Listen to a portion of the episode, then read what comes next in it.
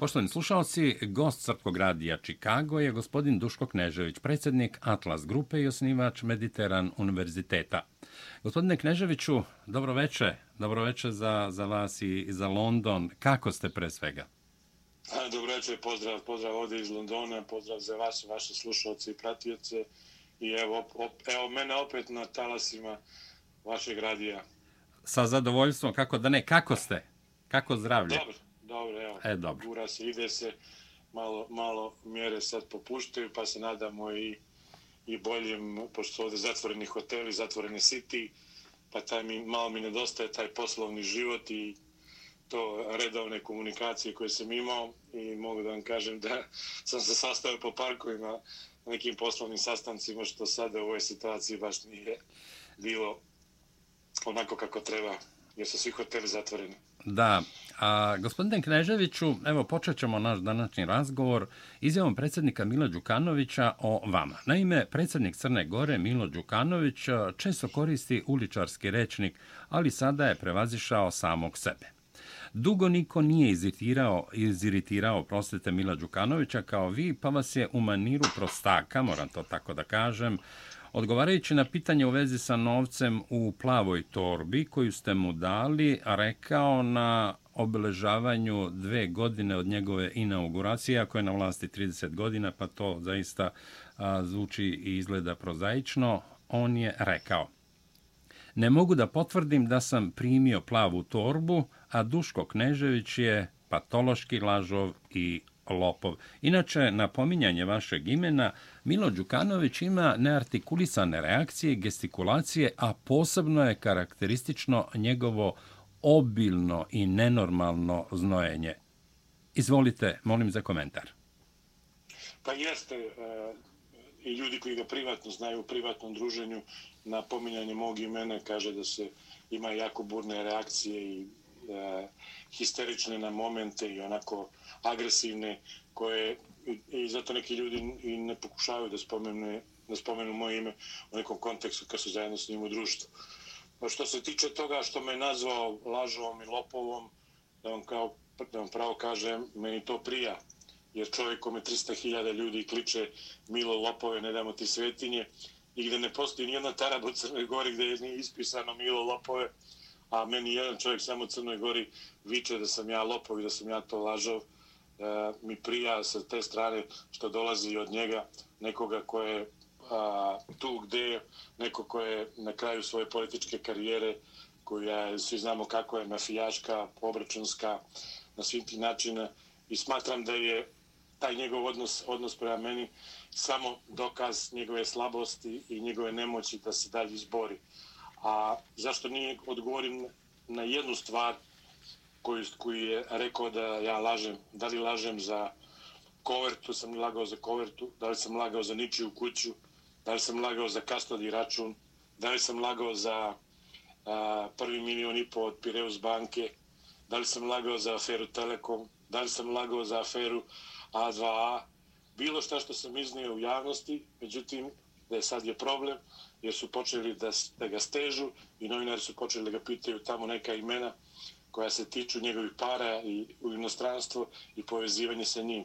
I pretpostavljam da je to njega jako iznerviralo i da je to kod njega izazvalo jedan, jedan, jedan veliki revolt. A to što je se tako ponio, ponio kao što sam rekao, meni je to samo ovaj hvala jer crnogorski narod zna da ja ne lažem, da ja sve što sam izneo u javnost da je to potpuna istina. I ja sam mu rekao, evo, doći ću dobrovoljno se predam u Crnoj Gori, otvori samo svoj kastodi račun. Da li postoji, da li postoji fair i, i bolje ponude od nečega što se dešavalo. Međutim, on zna ako bi otvorio svoj kastodi račun, kako bi se to završilo i zna koji bi tu ljudi isplivali i zna koje bi afere koje su trenutno u Crnoj Gori bile sakriveni iza toga i zna kako je kuća finansirana da bi se videlo kroz kastodi račun. Tako da, evo, to je moj stav po tom vašem prvom pitanju. A kažite mi šta je u stvari sa tom plavom torbom, koliko je to novaca, koliko ste dali Milu Đukanoviću novaca i imate li nameru da objavite, jer uh, u medijima se objavljuje vrlo često da imate snimke i video i audio, kad ćete objaviti te snimke sa tom famoznom plavom torbom? Pa evo, svi se novinari bave plavom torbom, od, od juče prekuče opet svi zovu i traže pravu torbu. Pa znači, ra, ra, ra, ra, radi sa milionskim ovim iznosima, radi sa milionskim iznosima. Uh, ja, pošto sam na, sa prvom onom kovertom prošao sa velikom krivičnom prijevom da sam ja organizator pranja para i prvo optuženi, zbog svog, svog statusa i ovdje u Engleskoj i u Crnoj Gori, moram da, da vodim o momentu kad ću da objavim plavu torbu, a ako se bude objavljivalo, to će bude neposredno pred same, pred same izbore. Jer e, smatram da sam suviše stvari iznio u javnost.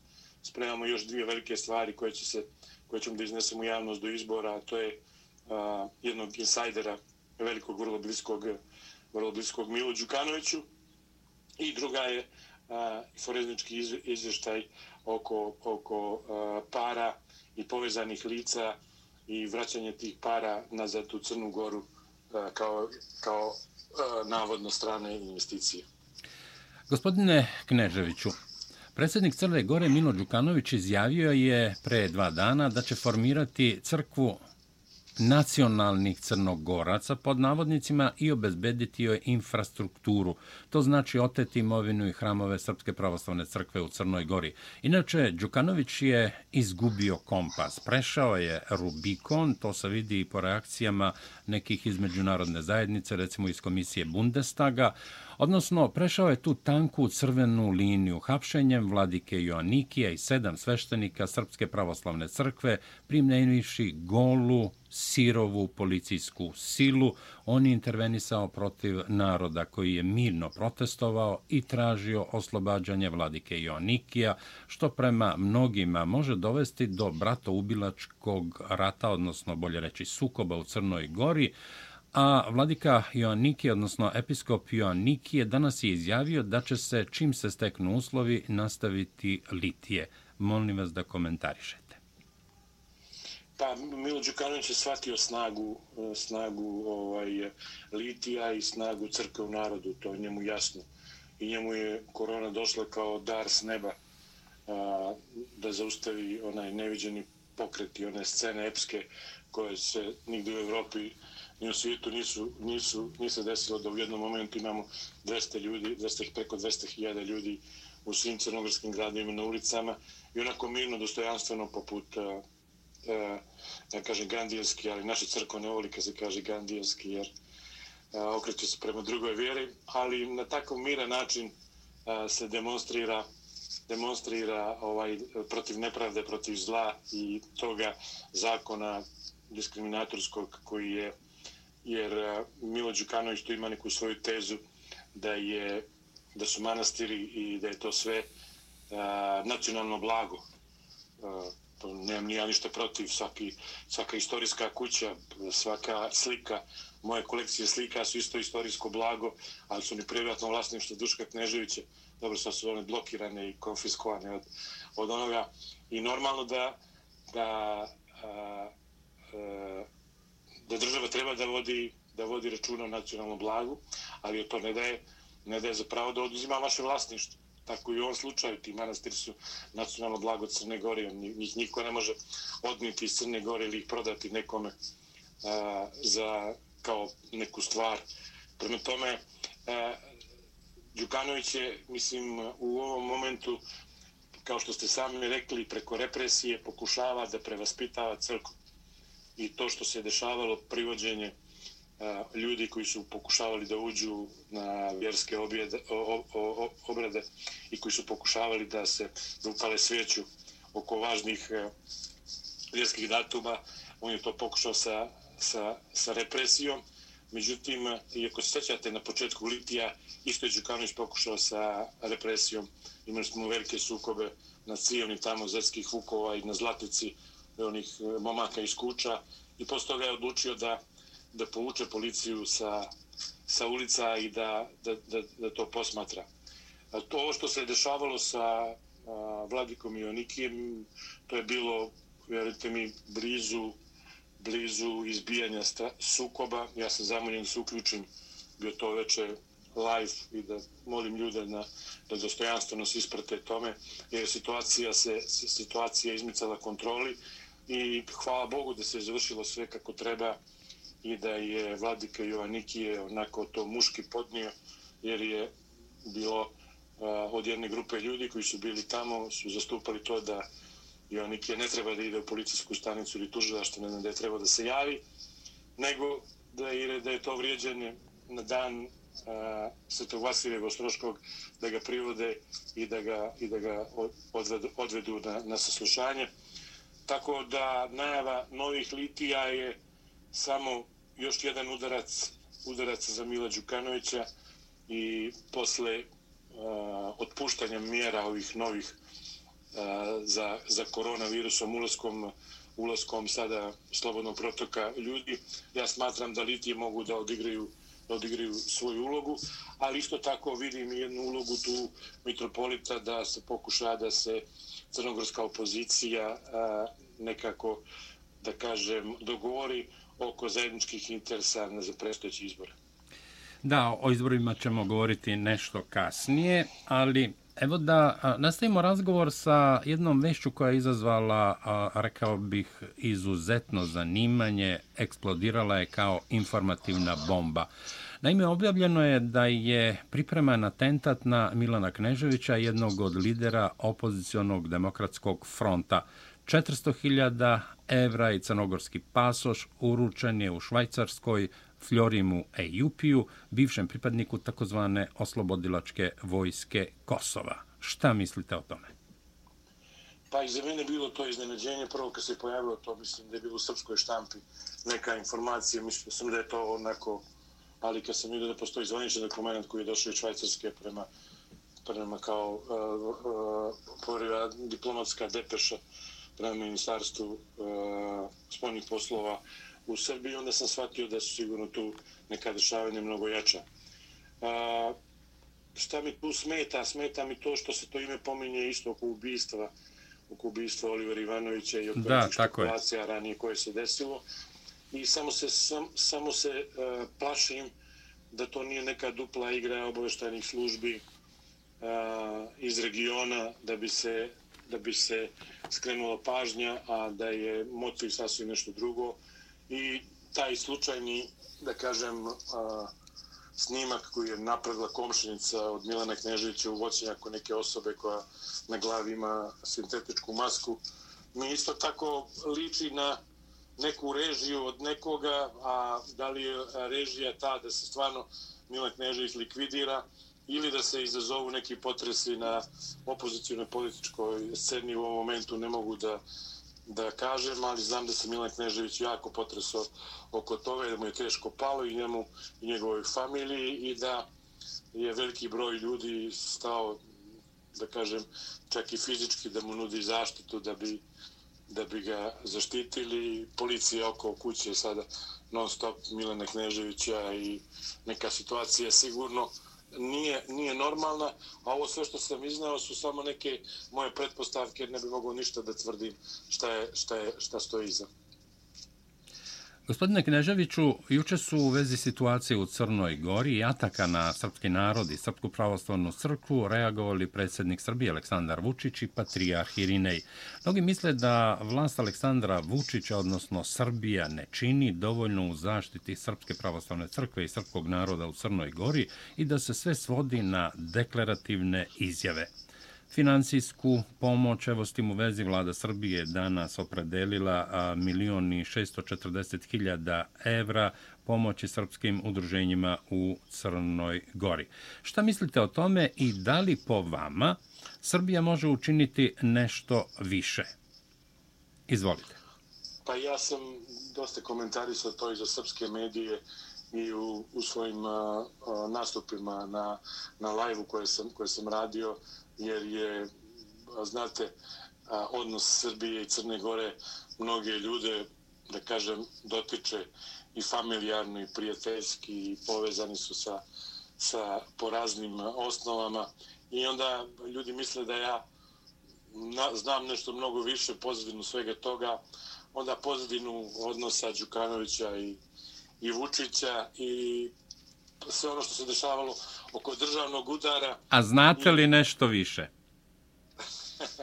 I onda a, a, ja sam, evo, i to sam sinoć za jednu lokalnu crnogorsku stanicu a, rekao, rekao svoje mišljenje, a, da je prvi put a, Vučić malo, da kažem, ranije bio previše blag, a, žao nam je što se to dešava, zabrnuti smo i sve to, da to nije bio, da to nije bio rečnik koji je direktno slao poruke podrške a, ljudima koji se osjećaju u Srbiji koji se zašnjaju kao Srbi u Crnoj Gori i da je prvi put a, a, poslao jasnije poruke koje po meni moraju da budu još jasnije, a ukoliko ne, nema prostora da se otvori dijalog, možda taj dijalog da bude na nivou dva predsjednika, pošto su i onako nekad bili nerazvojni i dobri drugovi, možda bude dijalog na, na, nivou, na nivou premijera, da Srbija potegne i da internacionalizuje pitanje i Srpske pravoslavne crkve i položaja srpskog naroda a, u Crnoj Gori u jednim nacijama i da bi to bilo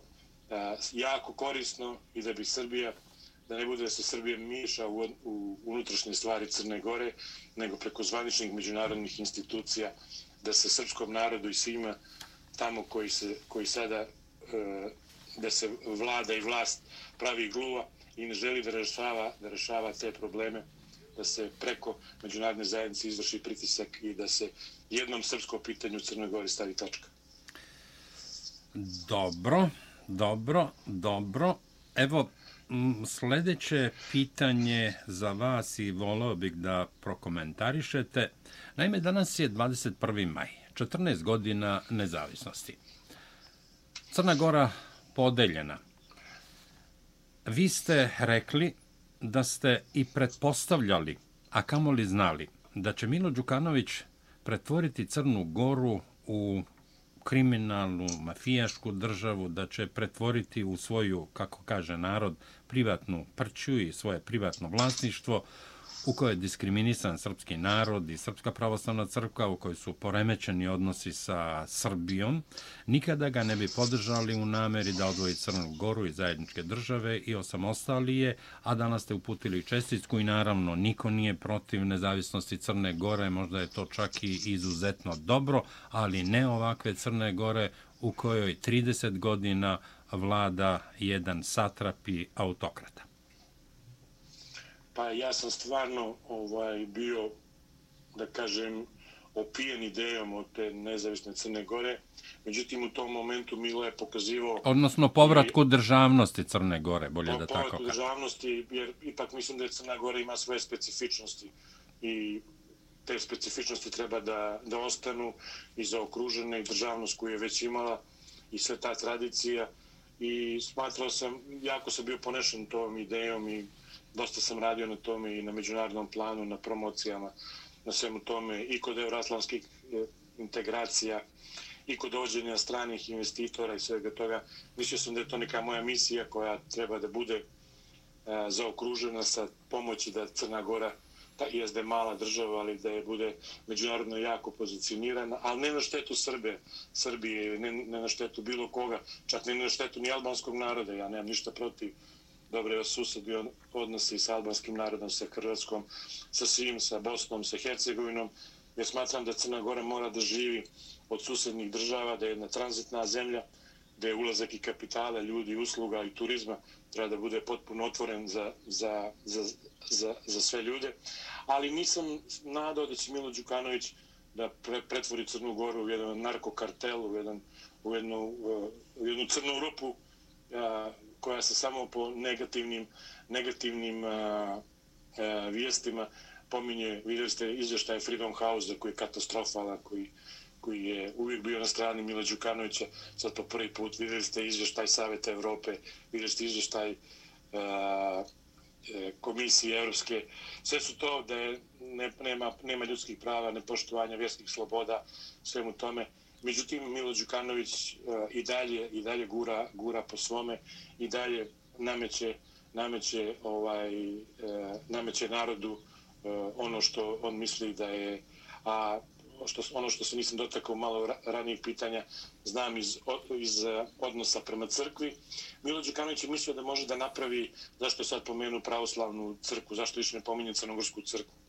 Zato što je mislio da napravi, ovaj, da napravi uh, ukrajinski scenariju.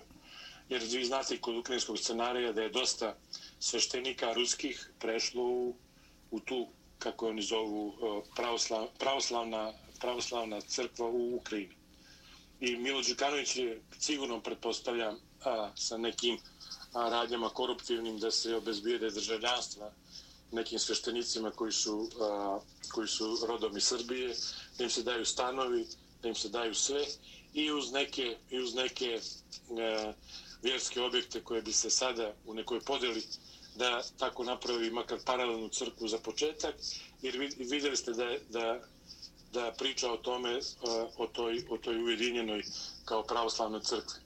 Međutim, e, Milo Đukanović da je išta mogao da napravi, on bi napravio, ne znam koliko godina postoji ova nevladna organizacija Crnogorska crkva, kako je zove 25 godina. Oni nisu napravili ni jedan objekat, oni nisu ništa, oni nemaju, uh, oni nemaju vjernike. Oni nemaju ništa što liči na crkvu i nemaju ništa što liči na ozbiljnu vjersku organizaciju. Prema tome, svaki, svaki takav pokušaj mislim da je, da je osuđen na propast, a uvijek je govorio da je u njemu najlakše kada bih htio da Amfilohije pređe i da bude on na čelu pravoslavne crkve Crne Gore. Da, evo pri kraju našeg razgovora Prestojići izbori u Crnoj Gori. Postoji li mogućnost po vama da se razjedinjena, koliko toliko negde i ujedinjena, zavisi od interesa. Opozicija u Crnoj Gori suprotstavi na izborima Milu Đukanoviću sve ono što on preduzima od kupovine ličnih karata, dovođenja tih pod navodnicima famoznih birača, odnosno glasača iz inostranstva, potkupljivanja za džak brašna i tako dalje i tako dalje, kupovine tih ličnih karata za 50 evra i štampanja novih ličnih karata. Da li postoji mogućnost da opozicija konačno u istom na istom frontu, u istoj liniji izađe i suprostavi se na izborima Milu Đukanovića koji su planirani za kraj godine? Pa evo, izbori ne znamo, ne znamo kad će biti. Krajnji rok je, krajnji rok je neki 17. oktobar po onome što se dešavalo uh, ranije. Ako se vratimo unazad, Milo Đukanović ni prošle izbore nije dobio, nego je pravio iscenirani državni udar, pogasio uh, mobilne aplikacije uh, E, Viber, Whatsapp i na takav način je jedan navukao dva poslanika više preko manjina i tako vlada zadnjih četiri godine. Uh, u opoziciji, moram budem otvoren, pošto ja komuniciram sa svima, oni su jako razjedinjeni. Demokratski front smatra da pitanje crkve i pitanje a, odnosa sa one, da to samo njima pripada i da oni samo treba da raspolažu sa tim, niko drugi. Uh, svi ostali kažu da front hoće da sruši ovakvu Crnu Goru kao, koja je sada međunarodno pozicionirana, a to a to dosta, dosta a, ljudi u Crnoj Gori ne žele. Iako nismo čuli ni jednu izjavu Demokratskog fronta da, da će ovaj povlačiti priznanja i tako dalje. Bar zvanično. Pa ne, ja govorim kako se oni unutar opozicije, što oni kažu. A, da, da, da, da, izvinjavam se. Jedni, jedni, jedni za druge. Mislim da front ima veliku snagu i da front treba da ostane na tome da da štiti interese srpskog naroda i da se zalaže da za a, uh, ukidanje zakona o vjerispovesti koje ono već donesu njihovim hapšenjem. I stvarno to što je front, posebno lideri, prošli za njih ovih četiri godine je jedna ljudska golgota i ja razumijem te ljude i kad nekad a, i agresivno i nekad e, neprimjerno reaguju u parlamentu jer oni su osuđeni po pet godina prvostepeno, njih može svaki dan da pokupi Milo Đukanović da ih strpa u zatvor i svaki, svaki san o novim izborima može da se sruši za jedan dan, a što Milo Đukanoviću nije teško da uradi, pošto je to privatna država gde se sudstvo i tužilaštvo jako, jako, jako kontroliše. Ja sam pokrenuo neku inicijativu da a, opozicija krene sa pregovorima, ali bez ikakvog uslovljavanja i bez ikakvog sa jednom tačkom dnevnog reda izbor ili bojkot i da tako oforme neke tehničke timove i da se dalje, da se dalje ovaj, dogovaraju. Po meni najlogičnije da se na izbor ide u, u dvije ili u tri kolone. Znači jedna kolona ta koju bi činio front još te snage koje su prosrpski orijentisane. Druga, da kažem, neki jaki građanski blok gdje bi bili demokrate i još neki. I treći ovi koji opet neće ni sa kim da idu E, ili bi išli pojedinačno ili bi napravili neki treći blok. Ali mislim da je, da je najbitnije da se napravi jak građanski blok u Crnoj Gori. da To je mnogo važno. Jer e, front će po, po svom položaju i po uticaju svakako imati dobar rezultat. Ja u to ne, ne sumnjam da li išli sami ili odvojeni. A onda samo ja insistiram na tome da se potpiše sporazum, da se međusobno neće napadati i da niko od njih ne smije da uđe u postizbornu koaliciju sa Milan Đukanovićem.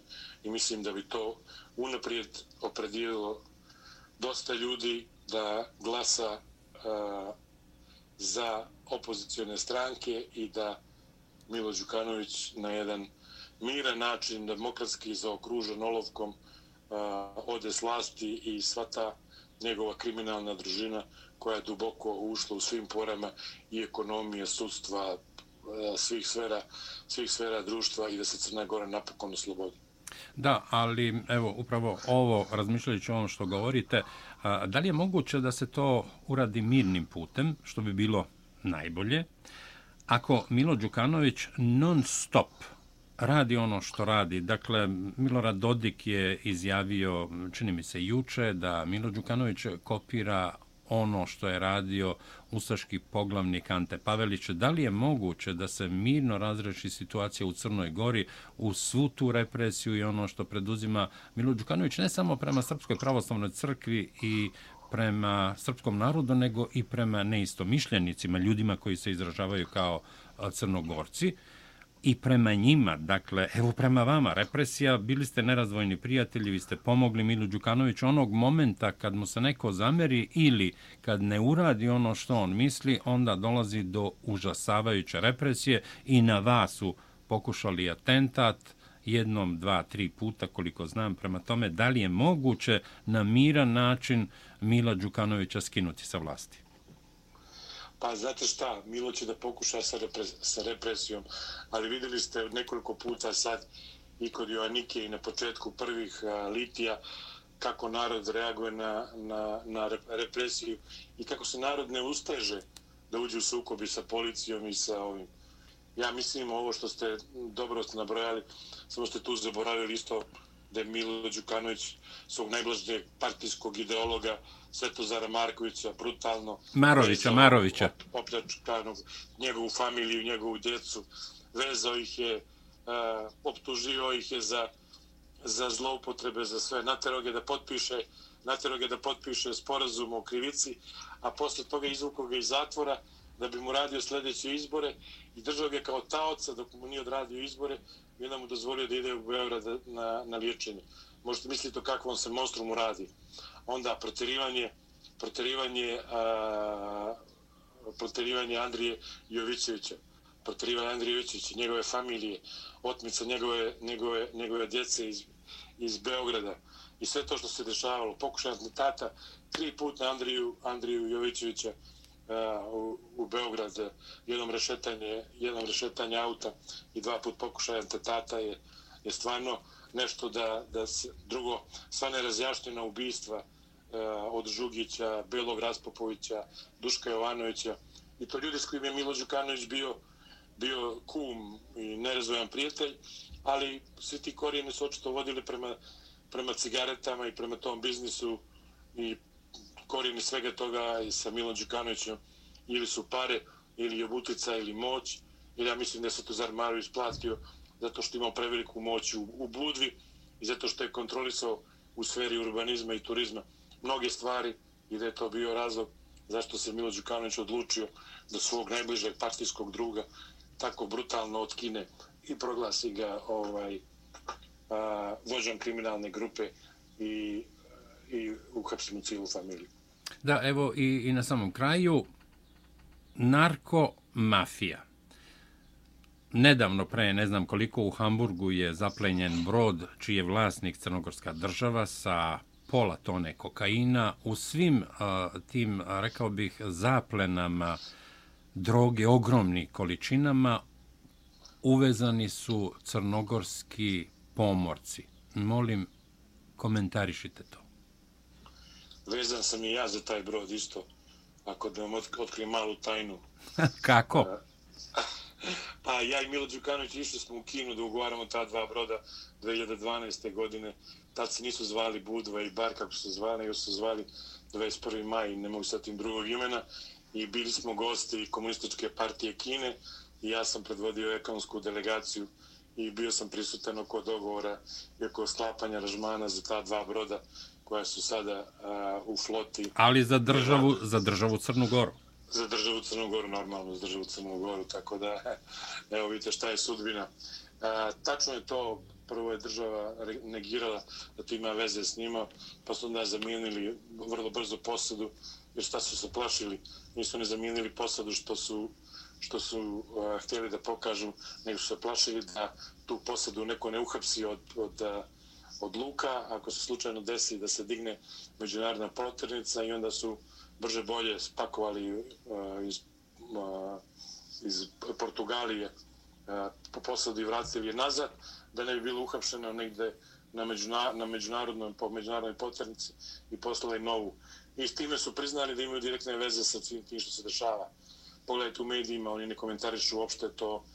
Posle, uh, dali su jednog čovjeka koji se prijavio tamo da kaže da je to da je to njegova, taj čovjek opet povezan sa uh, partijom od Brajovića, njegov rođeni brat i šef obezbeđenja na aerodromu Podgorica i onda mi je jasno o čemu To je predsjednik radi, Skupštine Brajoviću, da, da pojasnimo slušalcima. Jeste, jeste, jeste. Predsjednik Skupštine i socijaldemokratska socijaldemokrate SD, njihova partija. I jednostavno, gde je god veliki kriminal, gde je god veliki tranzit sa ona, uvijek su prsti uh, Mila Đukanovića. Imamo 20 tona isto u Filadelfiji, tamo što je palo sa crnogorskom posadom, da su pokršeni svi crnogorski mornari. Imamo drugu koja je pala u Grčkoj, drugu koja je pala u Rumuniji. I na svim tim, na svim tim i likvidaciju u Grčkoj isto tako, na svim tim su crnogorski ovi, uh, ili posada, ili, ili klanovi, kako ih oni zovu, škaljarski i kavački, uh, u međusobnim obračunima što se, što se dešavaju u zadnjih 4-5 godina po crnogorskim i beogradskim ulicama. Gospodine Kneževiću, hvala što ste bili gost Srpskog radija Čikago i procena kad odlazi Milo Đukanović, kad pada Milo Đukanović? što se tiče mene, ja bih volio prije vaktek, što kaže Crnogorci, ali evo, mislim da je vrlo važno da, da svi, ja sad pokušavam na međunarodnom planu, a, dosta toga uradim i da ovo čemu smo sad ja i vi pričali, da to prezentujem zvaničnicima isto tako u u Americi, ovdje u Velikoj Britaniji i u Evropskoj komisiji. I bez ikakvog skrivanja, nego potpisano sa mojim imenom i prezimenom, jer verujte, nema čega da se krijem, ja nisam ništa u životu, nikad nisam imao nikakav kriminalni dosije, ništa dok nisam ušao u suko s Milo Đukanovićem. I međunarodnoj zajednici je jasno to, a pošto se e, se trudim da se Crna Gora sačuva i da ne dođe do nemira i da je moj neki uticaj koji sam formirao za ovu godinu i po dana o nastupa i raskrinkavanje kriminala Mila Đukanovića u narodu jako veliki, što moram da priznam da mi prija, jer jednostavno e, ta podrška naroda mi mnogo znači, e, bez obzira što je on mene sve oduzeo, blokirao i sve to, nekako lakše čovjek funkcioniše i diše kad zna da je narod uz njega. Da, i samo da napomenem da se vi vrlo otvoreno i žestoko zalažete za najbliže odnose između Srbije i Crne Gore i za ukidanje granica između dve države. Ne samo ukidanje granica, nego slobodnom proč, da se diplome, rad, da ne postoje radne dozvole, da ne postoje dozvole boravka, da ne postoje dozvole za njega, to, to po automatizmu sve dešava sa samom prijevom i da u, u oblasti obrazovanja, u oblasti tehnologije, licenciranja, da se bilo koji dokument koji je izdat u Srbiji ili izdat u Crnoj Gori, da se automatski priznaje s jedne i s druge strane, jer mislim da Srbija i Crna Gora ne postoji prirodni saveznici na ekonomskom, kulturnom, tom prijateljskom, rođačkom uh, odnosu i stvarno bi mi bilo teško da, da Crna Gora i Srbija pucaju, pucaju po tim šavovima, a posebno što uh, taj kapacitet isto tako koji e, Crnogorci imaju je isto da kažem onako liderski dobro e, potkovan i uvijek je dobrodošao ne samo za Srbiju nego za bilo koju sredinu jer smatram da Crnogorci imaju neki, e, neki svoj jak naboj koji ih onako karakteriše kao ljude jake volje koji mogu da se nose sa problemima i koji mogu da se nose sa projektima. Gospodine Kneževiću, hvala vam što ste bili gost Srpskog radija Čikago. Hvala i vama, sve najbolje. Hvala vam. Poštovani slušalci, gost Srpskog radija Čikago bio je Duško Knežević, predsjednik Atlas Grupe i osnivač Mediteran Univerziteta u Podgorici.